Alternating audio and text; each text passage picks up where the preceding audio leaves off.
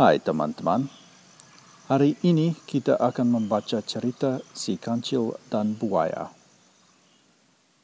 Di tengah hutan hujan di Indonesia, ada binatang kecil yang bernama kancil. Si kancil kecil sekali, seperti tikus, tapi dia juga pandai sekali. Suatu hari, Kancil sedang minum air dari sungai di hutan. Haus dan lapar sekali dia. Di seberang sungai, Kancil melihat pohon mangga. Dia suka mangga. Hmm, enak sekali, dia pikir. Tapi sungai itu sangat luas. Bagaimana bisa diseberangi? Dari tepi sungai, Kancil mencari cara untuk menyeberang. Tiba-tiba, dia melihat sesuatu di dalam airnya, sesuatu yang merupakan batang kayu. Eh, itu bukan batang kayu. Hati-hati ya, itu sebenarnya buaya. Satu, dua, tiga, empat, lima.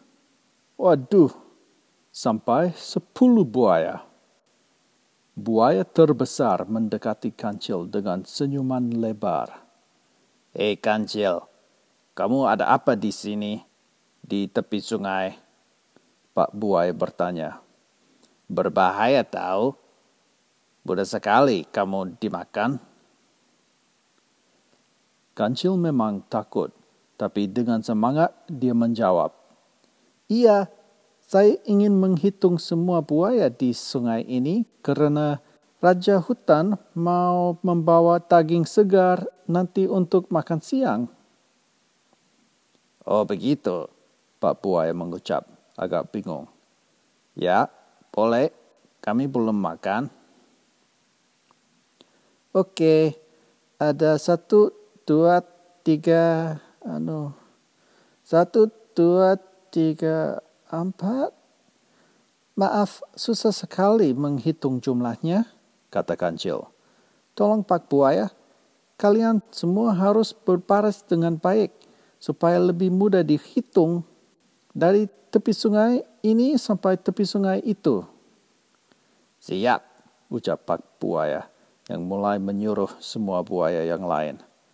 Ayo, dengarkanlah kita harus berbaris dari sini sampai di situ supaya kancil dapat menghitung kita semua. Sementara semua buaya perlahan-lahan berbaris, kancil mengucap, Terima kasih, terima kasih ya. Ayo kancil, kami sudah berbaris. Pak buaya berkata, Cepatlah hitung. Baiklah, saya akan melompat kepada kepalanya untuk menghitung jumlah buaya di sungai, kata Kancil. Jangan makan saya ya.